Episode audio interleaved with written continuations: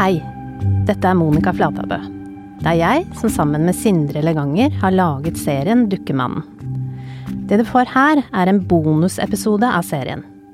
Hvis du ikke har hørt de andre episodene, så anbefaler jeg deg virkelig å gå tilbake til episode én. Du finner dem alle inne i Alt fortalt-katalogen, hvor enn du hører på podkast.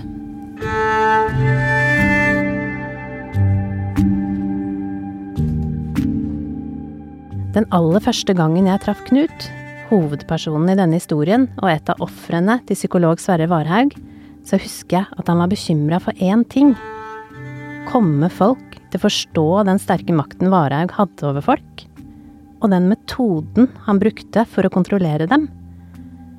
For det er jo ganske ufattelig hvordan Knut, Jan og flere andre pasienter endra hele livet, bare for å fortsette å gå til en psykolog som manipulerte og misbrukte dem. For å skjønne dette bedre, så har jeg bedt Lars Weiseth, som er psykoanalytiker og professor emeritus i psykiatri, om hjelp. Den der litt, for at vi skal liksom ha blikkontakt, og så kommer det en sånn derre Han var sakkyndig da Varhaug-saken ble behandla av Høyesterett. Og de siste 15 årene har han også hjulpet Knut. I denne ekstraepisoden skal han forklare Varhaugs metode fra et psykologisk perspektiv. Og så kan han også si litt om hvordan det går med Knut i dag. Jeg startet med å spørre om hva han tenker denne historien om Sverre Varhaug dypest sett handler om. Det er potensialet som ligger i avhengighetsforhold til å misbruke mennesker og få dem til å tro at, er, at man er i det gode tjeneste. Og tenker du at denne historien om Varhaug handler om makt? Ja makt og kontroll over andre mennesker. Og det Det tok litt tid før jeg òg skjønte det, fordi jeg, jeg har, jeg har selv ikke likt å ha kontroll over andre. Har, I den grad jeg har vært leder, da, så har jeg ledet sånn med veldig frihetsprinsipp. Um, men det at noen nyter faktisk å kunne detaljstyre andre menneskers eh, liv, altså tenkning og følelser, og styre dem eh, det, At det finnes mennesker som eh, har det som sitt viktigste behov, altså. Det er jo psykopatisk, ikke sant? Vi er jo nå inne på psykopati, altså hensynsløshet og mangel på skyldfølelse og skamfølelse og bruke andre mennesker i til å tilfredsstille egne behov. Tenker du at eh, det som skjedde med Sverre Varhaugs pasienter, kunne det skjedd med alle? Jeg tror det. Men risikoen ville være større eh, hvis du var mann, eh, godt utseende eh, og tiltrekkende. Også at de var eh, interessante. hadde litt i toppen.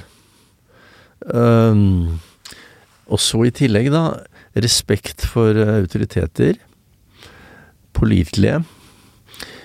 Uh, og um, usikre på seg selv. På hvilken måte da? Ja, dette å ha et psykisk problem. Å være åpen for at det kan være mer alvorlig enn du tror. Med de egenskapene tror jeg alle kunne gått i den fellen her som den pasienten jeg kjenner best, da, Knut. Uh, veldig oppegående. Plussvariant, vil jeg si. Utseendemessig. Uh, kjekk. Um, uh, respekt for kunnskap. Og veldig tillit.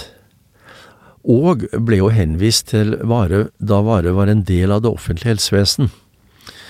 og det, er en gang sånn Eh, her i Norge, da, med, med god grunn, har man tillit. Eh, når man våger å legge seg på et operasjonsbord eller åpne munnen hos tannlegen, ikke sant, så er det jo fordi man man forventer å bli hjulpet. Og det er fordi man gjennom livet da stort sett har møtt mennesker som ville en vel, ikke sant. Flere pasienter forteller at de følte seg vel ivaretatt og trygge den første tiden i terapi hos Varhaug. Eh, men så gjør han to ting innledningsvis som man burde reagert på som pasient, og det er å være tilgjengelig hele tiden på telefon. Det er jeg og mine kolleger bare når det dreier seg om veldig alvorlige ting. Altså for eksempel selvmordsforsøk. Eller altså en pasient som går og tenker på selvmord. De kan ringe når som helst. Det andre som tidlig kommer frem her, det er å møtes utenom behandlingsrommet. Gå turer sammen. Det stusser jeg veldig på. For det er å bryte skillet mellom privatliv og eh, profesjonell relasjon.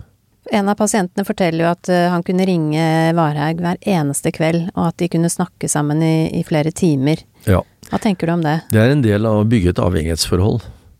Du, du bytter ut din familie og venner og arbeidskolleger, som du ellers vanligvis snakker med, ikke sant, med en, eh, en terapeut som er tilgjengelig hele tiden.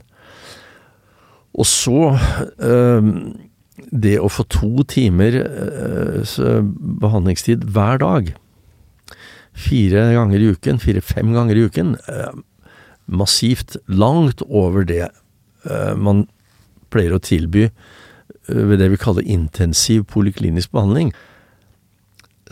Så her er det klare avvik. Og det er, mener jeg, for å, helt bevisst for å bygge et avhengighetsforhold. Altså hvis du hadde hatt to timer daglig eh, en eh, tre-fire uker, eh, og, og blitt smigret av all denne oppmerksomheten fra én fagperson som vier livet sitt, ikke sant? Ja, for de følte jo takknemlighet også? Klart det, at eh, en person som gir opp sitt vanlige liv for noen få pasienter eh, det, det, kan jo virke som dedikasjon, ikke sant? Og, og det gir en opplevelse av å, å, å, være viktig eh, for et annet menneske. Og eh, Så det er mye her som minner om det et barn uh, skal føle overfor far og mor, ikke sant? Den takknemligheten og avhengigheten og Ja, dette hver dag, å få tid og oppmerksomhet og og bli vist interesse. Og være interessante. Å være med på en sånn oppdagelsesferd, altså. Ehm, dette var jo intelligente akademikere, til og med, ikke sant? Og utover i terapien så legger jo eh, Varhaug veldig mm, ansvar på pasientene sine for sin egen framgang.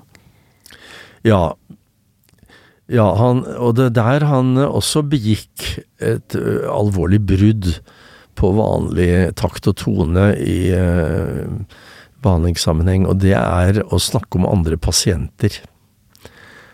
Han var flink, han. Men han fikk bare bronse, ikke sant? Ja. Noen, ikke alle får gull, vet du. Altså, belønne og straff. Det er ganske uhørt, altså. Uh, uh, regulere pasientens selvfølelse, da. Ved å straffe og belønne. Flere pasienter kom til Varhaug med relativt milde plager, som dårlig selvtillit og eksamensangst. Men snart kunne de få en alvorlig diagnose. De, de fleste, i hvert fall i yngre år, uh, har jo et eller annet man går og grunner på og lurer på. Um, det ene er at man kan være litt engstelig eller uh, tendens til å være nedfor eller usikker på hvor tiltrekkende eller klok man er, ikke sant, og sånn. Usikker i nære relasjoner eller kjæresteforhold, kanskje, forhold til yrkesutøvelse, hva skal jeg bli, og sånn. Og så kommer det da en fagperson eh, som etter å ha snakket med deg noen timer, sier at eh, det er noe alvorlig galt med deg. Forferdelig, vet du. Det er som å få en kreftdiagnose, ikke sant. Og ikke bare det, men dette kommer til å bli verre kommer ikke til å gå over av seg selv. Og, og, og hvis det, det, ikke blir behandlet for dette, så blir du svingdørpasient i psykiatrien. Altså kronisk syk, ikke sant. Han gir dem egentlig en slags dom? Altså. Det er en dom, ja. Uh, og kobler da det til håp, ikke sant. Den eneste behandling som vil kunne redde deg, det er den jeg har å tilby. Og de var livredde for at det skulle ta slutt, at han skulle bryte med dem. Og hva betydde det, hvis han skulle bryte med dem? Ja, det vil jeg si er som et barn som mister mor, altså. Så sterkt. Ja, jeg vil si det. At uh, det er en avgrunn, ikke sant. Det var på dette tidspunktet i terapien da avhengighetsforholdet hadde blitt etablert, at Varhaug kunne si at pasienten hadde blitt misbrukt i barndommen. Det var altså en forestilling da på, på den tiden for noen tiår siden at uh, mye av overgrep ble glemt, og at for å bli frisk så måtte man huske dem.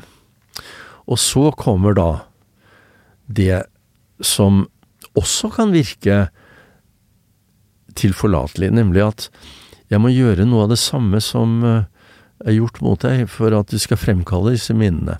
Men her da er jo det starten på kroppsberøring. Ehm, men Varhaus måtte begynne på da, stryke folk lett på brystet, det er klart at det er godt, det. Det er godt å bli tatt på. Og så veldig gradvis da, så blir det i mer genital retning. Og du vet, det er også følsomme områder eh, som kan stimuleres, og um, um, nå beveger han seg også etter hvert eh, overfor Knut da, over i analregion, som du vet også er eh, veldig følsom, uh, følsomt område. Um, og dette skjer så gradvis. Uh, og, uh, og da som sagt for å få frem minner, for dette kan du ha blitt utsatt for, ikke sant? Her tror jeg vi må stoppe litt opp, fordi her tror jeg mange vil tenke hvorfor reiser ikke Knut seg opp og bare går? Hvorfor sier han ikke nei? Han hadde jo da fått bestyrket at det var noe alvorlig galt med han som han ikke husket. Uh, og, og, dette var måten å huske på. Uh, og han prøvde jo å være en flink uh, pasient, ikke sant. Det var jo livet om å gjøre her, å prøve å huske. Og, og, jeg må jo også si at min pasient viste jo motstandskraft. På flere måter. Han fortsatte hele tiden i full jobb. min pasient var også den som avslørte Varhaug. Til slutt, og skjønte da, etter hvert at dette er overgrep, ikke sant. Han anmeldte han? Ja. Og så, eh, ikke bare ham, han produserte aldri falske minner. Altså, det er også en motstandskraft. Han ble aldri homofil. Uh, Tror du Varhaug ville det? At han skulle bli homofil? Ja, dette var et forsøk på å bygge opp en homofil relasjon. Vi må snakke litt om, om isolasjonen som Varhaug også mente at hans pasienter skulle måtte isolere seg fra familie, fra kjærester, fra venner. Eh, fortell om hvorfor det var så viktig. Altså I alle forsøk på å få fullstendig kontroll over et menneske, så begrenser du dett, dets kontakt med omgivelsene, og særlig andre mennesker. Um, altså alle alternativer til meg, da, er utelukket, ikke sant. Man gjør seg til allmektig, altså, og vil ikke ha konkurrenter. Og det, var, det Vare nok ser ut til å ha prøvd å erstatte, da, det er de avdøde fedrene. Uh, og som overgriper, da, så var det hans inngangsport der, ja, ikke sant. Uh, og så ville han skibbe ut uh, kvinnen i um, Knuts liv. Og da han etter hvert greide å få Knut til å avslutte forholdet, dette sterke kjærlighetsforholdet, så gratulerer han Knut med at det var et fremskritt. Eh, men egentlig var han sjalu, altså, og ville ha Knut helt for seg selv, ikke sant. Knut, han er jo en av de som forteller historien sin i denne podkasten. Hva tenker du om det? Jeg tror hele denne prosessen eh, har vært eh, anstrengende for Knut. Det har kostet han ganske mye, altså. Mye nattesøvn og mareritt, eh, men den har eh, tjent ham helsemessig. Eh, fordi nå får Varhaug på et vis den straffen i det offentlige rom som han ikke fikk. For overgripere i Norge blir jo anonymisert, ikke sant. 70% av nordmenn mener jo at den straffen som svir mest, er det at det blir kjent i det offentlige rom. Så sånn sett så tror jeg dette er en, en viktig eh, prosess. Og jeg tror også at Knuts øh, vilje til å beskrive sin historie, det er også veldig nyttig for fagfolk, fordi det er ganske utrolig. Det er ganske utrolig at sånt noe kan skje i Helse-Norge, altså. Så denne historien fortjener å bli kjent som en advarsel. Og, og, og jeg vil si også utover landets grenser. Det er én ting med Knuts historie som vi ikke har snakka om ennå, og det er at uh, han oppsøkte Varhaug med relativt milde plager. Uh, men så gikk han nå i terapi i 15 år. Hvis Knut hadde kommet til en uh, psykolog som ville han vel, hvor mange timer tenker du at ja, han ville trengt? Ja, der har jeg faktisk litt forutsetninger for å svare, fordi jeg drev jo Eh, på, I mange år har jeg også drevet med langsiktig innsiktsterapi, men også kortvarig. Eh, vi har noe vi kaller angstprovoserende terapi, korttidsterapi. Og Knut tilfredsstiller faktisk de kriteriene som skal til for å ha nytte av en terapi som varer 10-15 timer.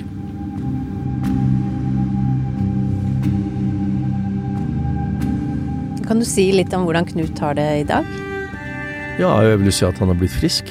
Han er jo en god far. Han er en eh, god venn. Eh, han er en eh, utmerket uh, yrkesutøver. Og så er han jo da på Skal vi si på jakt, da. Finne seg en heterofil partner. det er nok Det er jo ikke noe jeg kan skaffe han. Men jeg har Eh, jeg har hjulpet han til å bli i stand til det, da. Og det tror jeg nok vil skje. Der um, har han noe å se frem til.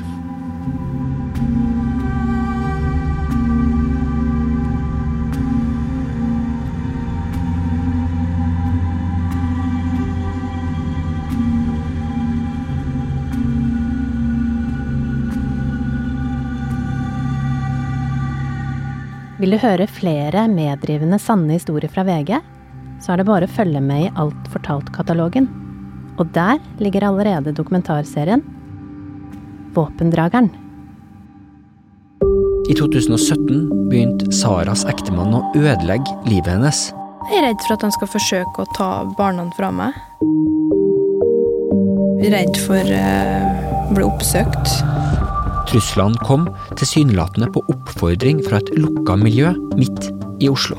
Du burde gå rett på Deichmanske og leie alt du finner om sekter. For det her er ei sekt. At det skal være en, en sekt som straffer utbrytere, det, det benektes på det mest bestemte. Det er jævlig ubehagelig. Syns det er en skandale. Søppel. Ren søppel. Jeg prøver desperat mange ganger å nå inn til den. Eneste jeg kan gjøre nå, det er å redde barna mine.